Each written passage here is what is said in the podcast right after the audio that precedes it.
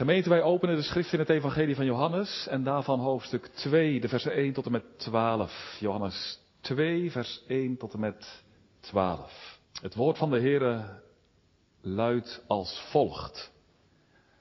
En op de derde dag was er een bruiloft te Cana in Galilea en de moeder van Jezus was daar. En Jezus was ook voor de bruiloft uitgenodigd en zijn discipelen. En toen er een tekort aan wijn ontstond, zei de moeder van Jezus tegen hem, zij hebben geen wijn. En Jezus zei tegen haar, vrouw, wat heb ik met u te doen? Mijn uren is nog niet gekomen. Zijn moeder zei tegen de dienaars, wat hij ook tegen u zal zeggen, doe het. En er waren zes stenen watervaten neergezet volgens het reinigingsgebruik van de Joden, elk met een inhoud van twee of drie metreten. Jezus zei tegen hen, vul de watervaten met water. En zij vulden ze tot aan de rand. En hij zei tegen hen, schep nu en breng het naar de ceremoniemeester. En zij brachten het. En toen nu de ceremoniemeester het water geproefd had, dat wijn was geworden, hij wist niet waar de wijn vandaan kwam, maar de dienaars die het water geschept hadden, die wisten het riep de ceremoniemeester de bruidegom en hij zei tegen hem, iedereen zet eerst de goede wijn voor. En wanneer men er goed van gedronken heeft, daarna de mindere. U hebt de goede wijn tot nu toe bewaard. Dit heeft Jezus gedaan als begin van de tekenen te Cana in Galilea. En hij heeft zijn heerlijkheid geopenbaard. En zijn discipelen geloofden in hem. Daarna ging hij naar Capernaum, hij en zijn moeder, zijn broers en zijn discipelen, en ze bleven daar niet veel dagen. Tot zover de schriftlezing. Gemeente Johannes, de evangelist, schrijft uitvoerig over het begin van het leven van de Heer Jezus. Hij houdt een soort dagboek bij in hoofdstuk 1 lees je enkele keren en de volgende dag. Vers 29 bijvoorbeeld. De volgende dag. Ook in vers 35. De volgende dag. Vers 44 nog een keer. De volgende dag. Johannes begint bij Johannes de Doper, die in het water van de Jordaan vele mensen onderdompelt. Dag 1 daar lees je dat hij dat doet en dan volgt dag 2. En dan beschrijft Johannes op die tweede dag dat Johannes de Doper de Heer Jezus in het oog krijgt. En dan roept hij uit, verwonderd, zie het lam van God, dat de zonde van de wereld wegdraagt. En dan komt dag drie. En lezen wat twee discipelen de Heer Jezus gaan volgen. Dag vier. Twee broers gaan Jezus volgen. Dag vijf. Nog twee broers gaan Jezus volgen. En dan daarna gaat de Heer Jezus naar Cana. En hoofdstuk 2. Vers 1. Dan lezen we. Op de derde dag was er een bruiloft in Cana. De derde dag. Jawel, dat heeft te maken met de Joodse manier van rekenen. Het gaat om eigenlijk twee dagen na, in onze berekening, de laatstgenoemde gebeurtenis. Dan heb je dag vijf, twee broers volgen de Heer Jezus, dat is dag één en dan nog een dag, tweede en dan de derde. Het gaat in feite om de zevende dag, dag zeven. Zeven dagen, een volle week, wordt door Johannes beschreven. En op de zevende dag begint er een bruiloft. En op die zevende dag gaat de Heer Jezus naar die bruiloft toe in Cana. En dan lezen we, dat is wat Johannes beschrijft, dat de Heer Jezus zijn eerste, allereerste wonder in zijn leven op aarde verricht. Water wordt wijn. En dat is waarbij we vandaag met de hulp van de Heer willen stilstaan bij het allereerste wonder, een teken dat de Heer Jezus verricht. willen bij dit gedeelte stilstaan en als thema dan kiezen de bruiloft en het lam. Dus zeven dagen, Johannes beschrijft ze heel nauwkeurig. Dan komen we uit bij de zevende dag. Gaat over de bruiloft. En daar willen we vandaag bij stilstaan. De bruiloft en het lam. Gemeente. Twee jonge mensen uit Cana gaan trouwen. En wat is dat mooi. Toch, als jonge mensen elkaar hebben gevonden, elkaar hebben leren kennen, hun paden zich hebben gekruist en er in hun hart een liefde voor elkaar ontstaat. Dat is wat de Heer wil geven. En dat, dat er dan ook het verlangen komt op een zeker moment om echt samen verder door het leven te gaan en je elkaar aan elkaar te verbinden in de band van het huwelijk. En nu is het zover. Beiden willen gaan trouwen en hopen dat dan te doen in Cana. Cana is een onbeduidend dorpje, niet ver van Nazareth.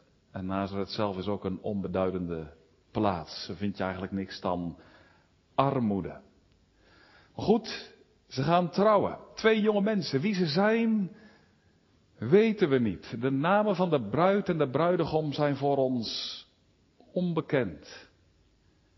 Maar zij willen zich in het huwelijk laten verbinden. En nou, in de aanloop daarnaartoe, naar hun trouwdag, versturen ze ook allerlei uitnodigingen aan vrienden en bekenden. En ook één aan het adres van Jezus. Ook aan Hem. Dus wat ze vragen. Heer Jezus, komt u ook bij ons op de bruiloft? Wilt u er ook bij zijn? Wilt u onze gast zijn? Moet je ook doen, jonge mensen, als je verkering wil, of als je verkering hebt, of als je gaat trouwen, hè, dat je op je knieën gaat en dat je het de Heer voorlegt. Heren, wilt u met ons meegaan? En bij elke stap die we zetten, ook naar onze trouwdag toe, wees bij ons en wilt u ons leven leiden. Dat is wat de Heer Jezus om gevraagd wil worden. Dat is wat Hij ook wil geven. Jezus wil genodigd zijn. Dat blijkt, hè, want hij gaat samen met zijn discipelen naar het jonge bruidspaar toe.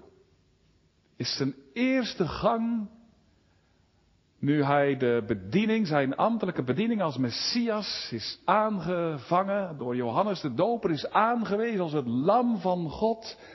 Zijn eerste gang is naar een bruiloft. Niet naar een begrafenis, naar een bruiloft. Jezus wil erbij zijn. In tijden van verdriet, maar ook in tijden van vreugde. Zeker in tijden van rouw. Als het moeilijk is in ons leven, dan wil Hij komen, hulp bieden, zijn nabijheid laten zien. Maar Hij wil er ook bij zijn op onze hoogtijdagen. Als het goed gaat in ons leven, op een bruiloft. Dan komt hij in Cana samen met zijn discipelen bij de feestzaal en dan ziet de Heer Jezus daar enkele grote kruiken staan hè, bij de ingang. Als je dan binnenkomt, kruiken, grote stenen watervaten met wel twee tot drie metreten inhoud. Metreet is een maat van 40 liter. Nou, één zo'n kruik kan twee tot drie metreten water in zich uh, bevatten. Het gaat dus om een liter of 80 tot 120. En bij die kruiken staan enkele bedienden. Zij vangen je op. Als je naar de zaal toe gaat, dan heten zij je welkom. Hè, maar uh, zij willen ook dat je dan als gast je handen wast. Dan moet je je handen naast zo'n kruik houden en dan nemen zij een klein kruikje en dan scheppen ze water uit die grote kruik en dan zo over je handen heen. Worden je handen schoon, gereinigd.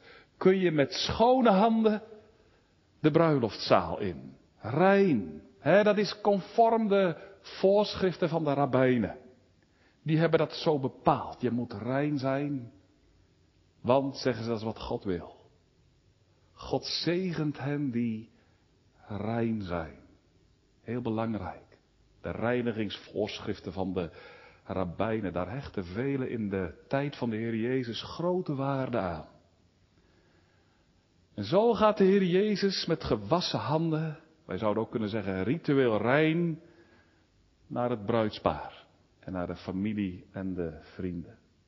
En zie hem dan tussen al die mensen gaan en hoe hij zich onder al die mensen beweegt. Hij is echt mens onder de mensen. Waarlijk mens. De mensen daar op de bruiloft konden hem zo aanraken. En tegelijkertijd, wat zo'n onuitsprekelijk mysterie is. Hier in de bruiloftzaal in Cana gaat ook hij die werkelijk de zoon van God is, in wie de Godheid volkomen woont. En dat is wat hij straks ook gaat laten zien. Straks zal hij een glimp laten zien van zijn heerlijkheid, van zijn glorie, zijn majesteit, kracht en wijsheid, die verborgen gaat achter zijn nederigheid. En ook achter de, ja, de armoedige gestalte waarin hij zijn weg door het leven gaat. Echt mens, ook tegelijkertijd. Echt God. Zo is de Heer Jezus op de bruiloft in Cana. En er is vreugde, tuurlijk. En blijdschap. En als je het bruidspaar ziet, het straalt. Wat een geluk valt deze jonge mensen ten deel. Totdat. Totdat er iets gebeurt. Iets wat heel erg is. Maria krijgt het te horen. En Maria die doorziet meteen wat er aan de hand is. En ze gaat met wat ze hoort naar de Heer Jezus. En ze klampt de Heer Jezus, haar eigen zoon, aan. En, en ze zegt, ja, ze zegt, tot wie moet ik anders gaan? Het is echt heel erg wat er aan de hand is. Ja, Heer Jezus, Jezus, zegt ze, dat bruidspaardje, dat heeft geen wijn. De wijn is op. Er is niets meer te drinken. De glazen blijven leeg. Alles is op. Dat is echt heel erg. Dat brengt het bruidspaar al meteen op hun eerste trouwdag in grote verlegenheid. Geen wijn. Hoe het kan, dat weten we niet, maar het staat erop. Het zou kunnen zijn hè, dat het bruidspaar misschien een verkeerde inschatting heeft gemaakt van het aantal gasten dat zou komen.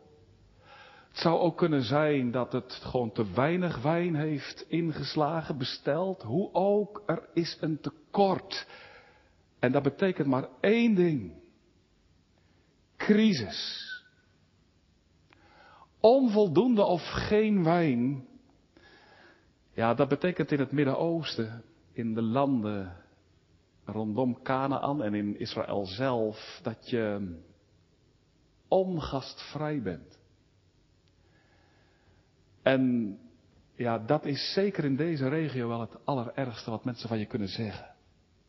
Niet gastvrij, er was geen wijn. Ja, wijn hoort erbij, zeker op een bruiloft. in die tijd, in de tijd van de Heer Jezus, was de keuze aan dranken heel beperkt. Je had eigenlijk maar twee keuzen. Je dronk water of je dronk wijn. Wij hebben heel veel keus. Tientallen soorten drank. In de tijd van de Heer Jezus twee. Of water, en dat, dat dronk je bij, bij gewone, alledaagse omstandigheden. Ook al een grote zegen hè, als je zo water kunt drinken, toch? Maar wijn, dat dronk je bij feestelijke gelegenheden. Nou, geen wijn. Dat is ook wat de rabbies in hun voorschriften onder woorden hadden gebracht. Geen wijn, dat betekent geen feest. Dan houdt het op. Dan is het voorbij. Nou, zie dat bruisbaar. Een en al ontreddering. En Maria ziet het. En daarom gaat ze met die nood meteen naar de Heer Jezus en, en ze zegt, ze hebben geen wijn. in feite zegt Maria daarmee, Jezus, kun je dit stelletje niet uithelpen? Uit deze grote nood. Jezus ziet Maria voor, voor zich staan. En hoe reageert hij? Eigenlijk wel heel opmerkelijk, hè? Vrouw, zegt hij, wat heb ik met u te doen? Hoor je dat? Vrouw, zijn eigen moeder. Wat heb ik met u te doen? Wat heb ik met u te maken? Klinkt best op, zou je zeggen, onvriendelijk. Toch is het dat niet. Er klinkt wel afstand in door. Dat wel.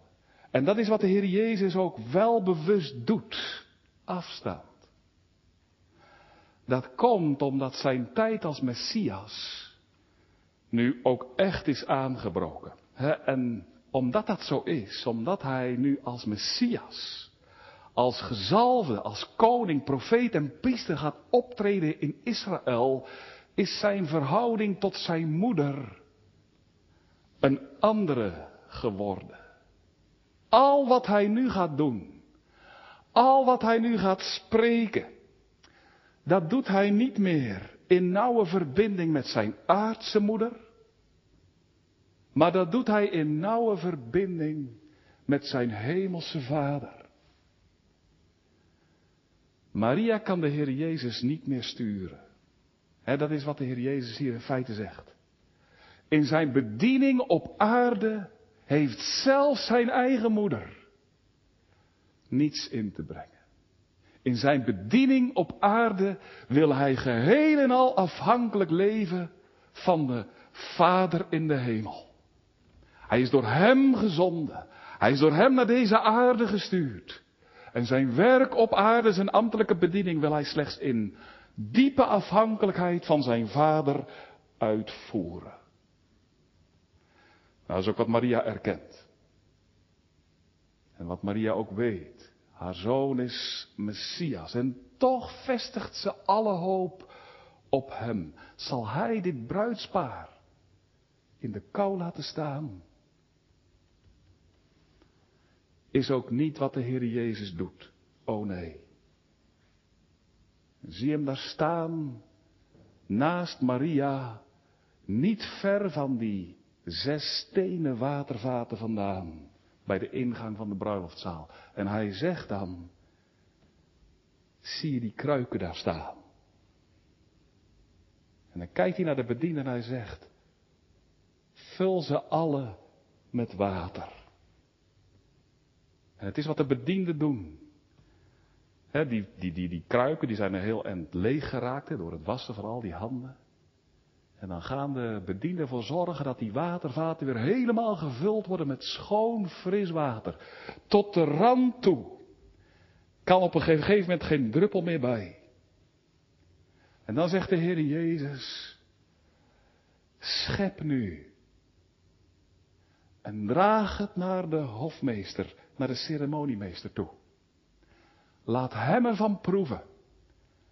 En als hij de wijn, als hij het goedkeurt, ga dan delen aan alle gasten. Nou, daar gaat een van de bedienden.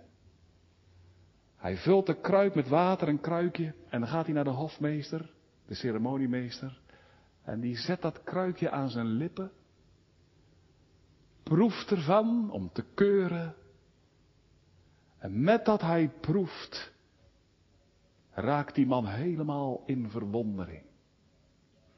Vol verbazing roept hij uit. Hoe kan dit? Normaal worden op de bruiloften toch altijd de beste wijnen meteen geschonken. En als dan iedereen goed gedronken heeft, dan halen we de mindere wijnen, maar, maar hier gebeurt het precies andersom. Hoe is dit mogelijk, roept die man uit. Wie heeft deze wijn gemaakt? De ceremoniemeester is een en al verwondering. En als de gasten ervan mogen drinken, ook. Zij krijgen werkelijk de bovenste beste wijn. en dat uit de handen van de Heer Jezus Christus. En dat maar niet één beker. Maar er is werkelijk een overvloed. Een overvloed aan goede wijn. En dan kun je wel begrijpen waar de mensen op de bruiloftsfeest de rest van de tijd over gesproken hebben. Over niemand anders dan over de Heer Jezus alleen. Over Hem. Over hem die zo mild uitdeelt. Goede wijn en dat in overvloed. O zie hoe de Heer Jezus dit bruidspaar uitkomst biedt. Hij schept wijn. Vreugdewijn. Hij richt verslagen harten op. Hij maakt harten vrolijk. De harten van dit bruidspaar. Wat een geluk valt hen ten deel. Het is, zegt Johannes, zijn eerste teken, vers 11. Het begin ervan. Wonderlijk teken. Water verandert in wijn. En er zullen meer tekenen gaan volgen, schrijft hij. tekenen die wijzen op iets veel betekenends, namelijk op wie Jezus is en ook waarom hij als zoon van God op aarde is gekomen. En dat is ook waarop dit teken wijst, dit teken van de wijn. Dit teken wijst op wie Christus is en ook op het doel van zijn komst naar deze wereld. Wat is dat doel? Waarom komt de Heer Jezus naar deze wereld? Wat heeft Hij ermee voor? Wel, wij hebben in het begin gezegd, het is alsof dat Johannes een dagboek bijhoudt. Dag 1, dag 2, dag 3. En daarvoor staat nog iets in vers 1 van hoofdstuk 1. Daar lezen wij, in de beginnen was het woord en het woord was bij God en het woord was God. In den beginnen. Doet je dat ook niet meteen denken aan Genesis? Eerste vers van hoofdstuk 1 van Genesis, Bereshit, daar lezen wij hetzelfde. In den beginnen. en dan volgt de schepping van hemel en aarde. Dag 1, dag 2, dag 3. en, op de zesde dag schiep God het eerste mensenpaar, Adam en Eva. Een bruidspaar. En dan op de zevende dag, dan ziet God zijn schepping en dan roept hij uit, zeer goed. Als hij de schepping ziet badend in alle rust en vrede en vreugde en liefde, zeer goed. Nou, zo begint Johannes. In den beginnen. en, en, zie, zo komt de diepe laag in zijn evangelie als het ware naar boven, ook van dit hoofdstuk. De Heer Jezus begint zijn werk. En wat is het grote doel ervan? Herschepping. Dat. Vernieuwing. Hij komt om een nieuwe hemel en een nieuwe aarde te scheppen. En die nieuwe schepping wordt een schepping vol vreugde. Een schepping waarin overvloed is, als een bruiloft. Als een bruiloft waarbij de Heer Jezus de bruidegom is. En wie wordt zijn bruid? Wel mensen die de Heer Jezus op aarde opzoekt. Als dat bruidspaar in Cana. Mensen die door eigen schuld in ontreddering terecht zijn gekomen. In nood. In diepe ellende. En voor hen komt de Heer Jezus Christus. Dat is wat hij hier laat zien. Om hen uit hun nood uit te helpen, uit te redden. Zoals hij dat zelf ook zegt, zie ik kom en ik maak alle dingen nieuw. Hij komt om een nieuwe hemel en een nieuwe aarde te scheppen. Nu zie dat eerste bruidspaar, zie dat bruidspaar in Cana. Is niet een treffend beeld van het eerste bruidspaar van Adam en Eva? Het begon zo heerlijk. In het paradijs, in de hof van Eden. Het was als een bruiloft. De vreugde was zo groot. Maar ze was tegelijk van korte duur. Want Adam en Eva brachten zichzelf in grote verlegenheid. En dat toen zij braken met God. En daarmee zichzelf en hele nageslacht in diepe ellende hebben gestort. Ah, dat bruidspar in Kana heeft alle reden om zichzelf te schamen. Geen wijn. Hoe is het mogelijk? Het feest is voorbij. Maar hoeveel te meer hebben ook Adam en Eva alle reden. En wij met hen om zich te schamen. Geen wijn, geen leven, geen vreugde. En dat omdat wij met God hebben gebroken. Adam en Eva die schaamden zich zo. Zij verstopten zichzelf in het struikgewas. En zij zeiden, wat hebben we gedaan? Vreselijk. Hoe hebben we dit kunnen doen? Eigen schuld. Oh, en dat nu wat Adam en Eva hebben gedaan, hem met God breken. Dat is nu ook wat wij hebben gedaan. Breken met God. De bron van heil. De bron van alle leven. De fontein van liefde. En hoe aangrijpend is dat? Dat wij dat hebben gedaan. Hè? Want God is zo goed. En God is het zo waard om te dienen. Hij is de bron van alle leven. Hoeveel heerlijkheid is er wel niet te vinden in de Heer. Als je iets te drinken krijgt, een glas water. Kun je daar niet van genieten als je vermoeid bent en je krijgt een glas water aangereikt en je neemt een, een teugen van, zeg je dan ook niet, ho, wat verfrissend, heerlijk. Maar als er in water al zoveel heerlijkheid te vinden is, hoeveel te meer heerlijkheid is er niet te vinden in de schepper van het water? God zelf. God is de bron van vreugde. Je kunt je verwonderen niet waar over de natuur, toch? Heb u dat niet? Als je de bloemenpracht ziet, als je eraan ruikt, dat je zegt van, hoe is het allemaal mogelijk, hè, dat het zo mooi gemaakt is. Nou, als je je zo al kunt verwonderen over de schoonheid van de natuur, hoeveel te meer schoonheid is er toch niet te vinden in de God die heel die schepping, die natuurpracht, door te spreken heeft voortgebracht. Wat een heerlijkheid is er in Hem te vinden. Je kunt genieten, niet waar, van de vreugde, als je dat mag hebben, van, van een goede omgang met elkaar, van vriendschap, toch? En van liefde. Als je je al zo kunt verblijden in de liefde van mensen en de zorg van mensen.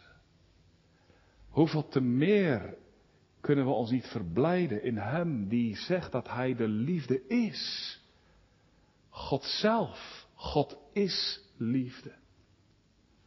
En nu hebben wij met deze God, deze zo goede God, gebroken al in het paradijs. Oh, hoe ernstig is dat? Zijn onze ogen daarvoor al geopend? is dat waarbij de Heer ons in ons leven ook al heeft stilgezet. dat wij dat hebben gedaan. Breken met de Heer. Als je dat gaat zien, dat je deze zo goede God hebt verlaten, de rug hebt toegekeerd. En dat je jezelf daarmee in een grote crisis hebt gestort. Crisis van van zonde, schuld en, en van de dood, de eeuwige. Kijk, dan, dan verdwijnt net als op de bruiloft hier in Cana alle vreugde. Dan komt er geen vreugde, hè, maar, maar droefheid, rouw. Dan is de vreugde weg en dan, dan zie je tot je schrikken en zie het ook vandaag. Ik heb gedaan, heren, wat kwaad is in uw ogen en daarom ben ik, heren, uw gramschap dubbel waard. Hoe groot is dan de ellende waarin je terechtkomt? En hoe groot is dan ook de ellende als je je realiseert dat je jezelf op geen enkele manier meer kunt uithelpen. Wat je wel probeert. Als de nood aan de man komt in je leven, dan is het eerste wat je wat je doet is, is proberen jezelf uit te redden. maar als je dan gewaar wordt, dat gaat niet. Ik zit in diepe ellende en er is niemand die mij kan helpen. Hoe benauwd kun je het dan krijgen? Dan wordt het crisis. Oh, maar is het dan juist ook niet kostbaar? Onuitsprekelijk groot om te mogen horen dat nu de Heer zijn Zoon naar deze wereld heeft gezonden, Christus Jezus, en dat om in die grote nood uitkomst te bieden. Dat Hij daarvoor nu naar deze wereld is gekomen om te verlossen, hè, om te redden, om mensen terug te brengen in het paradijs. In de omgang met God, om te proeven en te smaken dat God goed is om ze weer de vreugde te geven die ze mochten hebben in de omgang met de Heer. Om ze weer te laten opspringen van vreugde. Hè? Dat de Heer Jezus nu naar deze wereld is gekomen en dat om als bruidegom een bruid te zoeken. En dat om, om voor eeuwig met elkaar omgang te hebben. Zo waartoe de Heer Jezus Christus is gekomen. Hè? Om mensen te verlossen uit hun diepe ellende. Om mensen te reinigen van hun zonde. Om zondaren schoon te wassen. En niet alleen hun handen, zoals de gasten hun handen wassen op de bruiloft in Cana, hun uiterlijke onreinheid daarmee weg wilden doen. Nee, maar dat hij gekomen is om te reinigen onze harten van alle morele vuil, van de zonde. En dat is waarvoor de Heer Jezus naar deze wereld is gekomen. Om zondaren te reinigen van al hun zonde. Op welke manier? Op welke manier reinigt de Heer Jezus zondaren? Hoe word je verlost van alle vuil in je hart, van al die vuile gedachten, vuile verlangens? Onreine begeerte. Wel, de Heer Jezus laat in Cana zien. Je wordt niet rein, zoals jullie wel denken, Joden, door allerlei rituelen na te leven. Door reinigingsrituelen op te volgen. Door allerlei voorschriften na te leven. Door de geboden van de wet op te volgen. Zo word je niet rein. Niet door dit doen en dat nalaten. Dat is een onbegaanbare weg. Onmogelijk. Wij kunnen met goed doen de breuk met God niet meer herstellen. Onmogelijk. Hoe reinigt de Heer Jezus de harten van zondaren? Wel, dat is niet door het water van de wet, maar dat is door dat wat Hij gaat geven. En hier op de bruiloft in Cana geeft hij wijn. Maar ik ben ervan overtuigd dat de wijn die hij hier geeft ziet op het allerheerlijkste wat hij gaat geven. Zijn eigen bloed. Zijn bloed, dat is het. De wijn hier in Cana ziet op het bloed van de Heer Jezus Christus dat hij in een overvloedige maat zal geven. En al wie zijn bloed ontvangt, wie zijn bloed drinkt, wie gelooft in de Heer Jezus en daarmee ook zijn bloed krijgt, die is gereinigd van alle zonde. Die ontvangt vrede met God. En die mag opnieuw ervaren de vreugde die wij mochten hebben, genieten in het paradijs. Dat Christus spreekt over zijn bloed. Dat blijkt uit een bijzonder, bijzonder zinnetje wat hij tegen Maria uitspreekt. Vrouw, wat heb ik met u te doen, zegt hij. Mijn uur is nog niet gekomen. Mijn uur. Mijn uur, dat ziet op zijn lijden en sterven. Als je het evangelie van Johannes doorleest, dan kom je dat woord, dat uur nog een paar keer tegen. Mijn uur is nog niet gekomen. Hoofdstuk 7, vers 30, daar zegt hij het ook. Dan lezen we dat de fariseeën de Heer Jezus proberen te grijpen. Maar dat de Heer Jezus aan hun handen ontkomt en dan tekent Johannes op, want zijn uur is nog niet gekomen. Hoofdstuk 8, vers 20 lezen we het nog een keer. Niemand greep hem, want zijn uur was nog niet gekomen. Maar zijn uur komt wel als zijn lijden en sterven gaat aanbreken. Dat treffen we aan in Johannes 12, hè, als dan twee Grieken bij hem komen. En die vragen aan de discipelen, wij wilden de Heer Jezus wel zien. Dan krijgt de Heer Jezus dat te horen. En dan brengt die vraag van die twee Grieken hem een moment helemaal van streek. Dan raakt hij verward. En dan zegt hij, Vader, verlos mij uit dit uur. Maar dan herstelt hij zich onmiddellijk en dan zegt hij, nee, Vader, ik weet dat ik in, voor dit uur ben gekomen. En dan enkele dagen later, als de Heer Jezus zijn hoge priesterlijk gebed uitspreekt in de nacht waarin hij zal worden verraden, Johannes 17, dan zegt hij, Vader, de uren is gekomen. Verheerlijk uw zoon, opdat ook uw zoon u verheerlijke. Dan komt de uur, en dat is het uur van zijn lijden en sterven, van, van zijn kruisdood. Uur waarop hij zijn bloed zal geven. En met dat bloed zal hij zijn bruid reinigen en zal hij haar eeuwige vreugde geven, de vreugde van een nieuwe schepping, van het koninkrijk van God. Christus gaat zijn bloed geven. En dat bloed is wat je nodig hebt. Want dat bloed van de Heer Jezus Christus, dat nu reinigt van alle zonde. Zijn bloed. De Heer Jezus zegt niet het water van de wet. Niet goed doen, je best doen, je inzetten. Dat gaat je niet redden. Mijn bloed heb je nodig. Mijn hartebloed, dat reinigt van alle zonde. Hoe kom je aan dat bloed? Hoe krijg je er deel aan? Wel door het geloof. Door te geloven. Door te geloven dat wat je wordt aangeboden. En dat is nu precies wat de Heer Jezus doet. En hij laat, hij laat zijn bloed aanbieden. En dat aan alle hoorders van het evangelie. Dat is wat de Heer Jezus ook zegt tegen zijn dienaren, ook vandaag.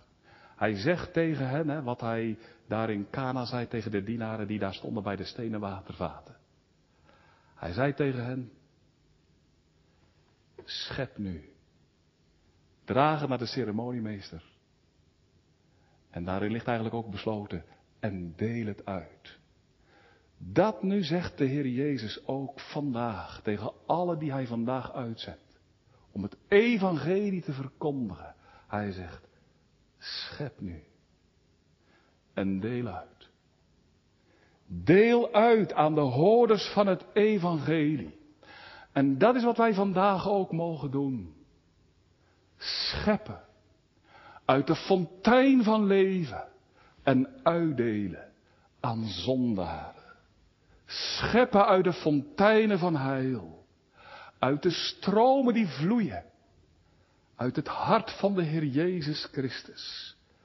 Schep nu, zegt de zaligmaker, en deel uit. O wie heeft dorst, laat hem komen.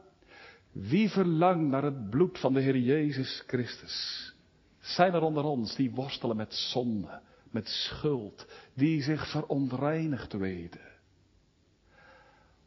één druppel van het bloed van de Heer Jezus.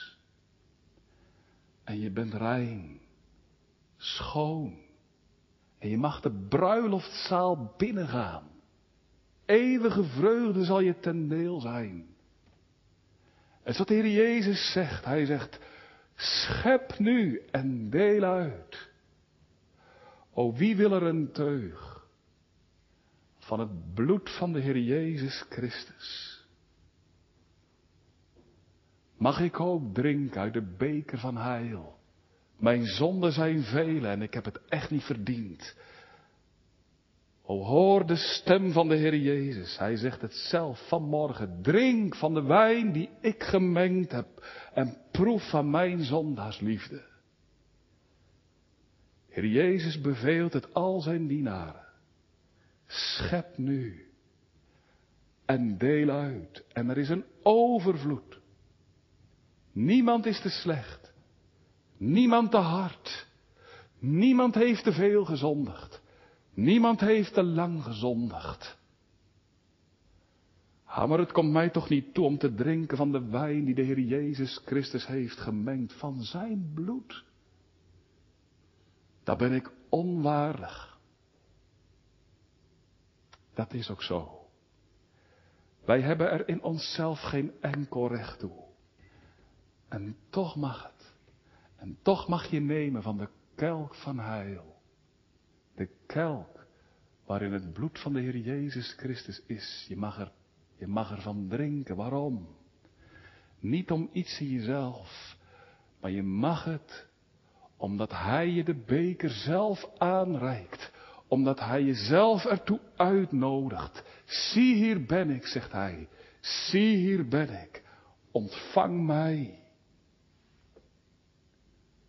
Ah, misschien zeg je, ik heb het wel heel erg verzondigd, dominee. Zal de Heer Jezus Christus mij nog willen nodigen? O, hoor zijn stem. O, alle gij dorstigen. Kom tot de wateren. En u die geen geld hebt, kom, koop. Koop en drink van de wijn en de melk. Zonder prijs en zonder geld. O is in deze Heer Jezus, deze grote bruidegom, niet alles te vinden voor tijd en eeuwigheid. O kom en proef van zijn uitnemende zondaarsliefde. Is het niet waar wat de bruid zegt in Hooglied 2? Al wat aan hem is, is geheel begeerlijk. En zijn uitnemende liefde is beter dan de wijn. O wie drinkt, wie gelooft in de Heer Jezus Christus, ontvangt de Heer Jezus Christus. En die ontvangt met hem ook zijn bloed. En die is zalig voor eeuwig behouden. En voor alle die geloven in de Heer Jezus Christus is een allerheerlijkste toekomst weggelegd. U bent op weg naar de nieuwe hemel en de nieuwe aarde, de herschepping. Op weg niet naar Kana, maar naar Canaan, het hemelse Canaan. Het paradijs, naar de bruiloft, naar de bruiloft van het lam. Johannes die schrijft daarover in het boek Openbaring. Johannes heeft veel geschreven. Het Evangelie, drie zendbrieven, boek van de Openbaringen. Johannes zou je kunnen zeggen begint zijn schrijven met een bruiloft hier in Cana. En hij eindigt zijn schrijven met een bruiloft, de bruiloft van het lam. Openbaring 19. Dat is uw toekomst, u die gelooft in de Heer Jezus. Dan krijgt Johannes het godslam in het oog. En dan krijgt hij ook de bruid in het oog. En hij zegt, zij heeft zich gekleed. Met witte klederen, helemaal rein en versierd. En dan hoort Johannes een stem die zegt, zalig zijn zij die geroepen zijn tot de maaltijd van de bruiloft van het lam. En daar gaat het naartoe. Voor alle die van de Heer Jezus Christus zijn. Het gaat toe naar de maaltijd. Naar het eten en drinken van de wijn die Christus heeft gemengd. Naar de bruiloft. Om eeuwig bij de Heer Jezus te zijn.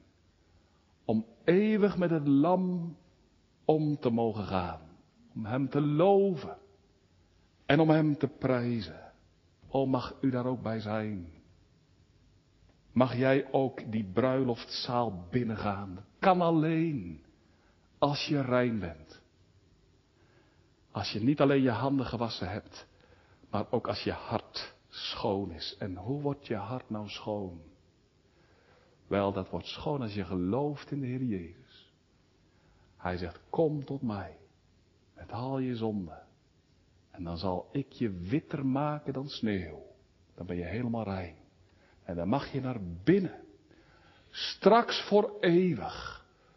Zingen. Loven. Lam. U, Heer Jezus, bent waardig te ontvangen. Alle lof. Alle aanbidding.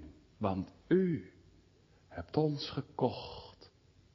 Met uw dierbaar bloed. En dat gaat in vervulling. En zij begonnen vrolijk te zijn. Voor eeuwig. Voor altijd. Amen.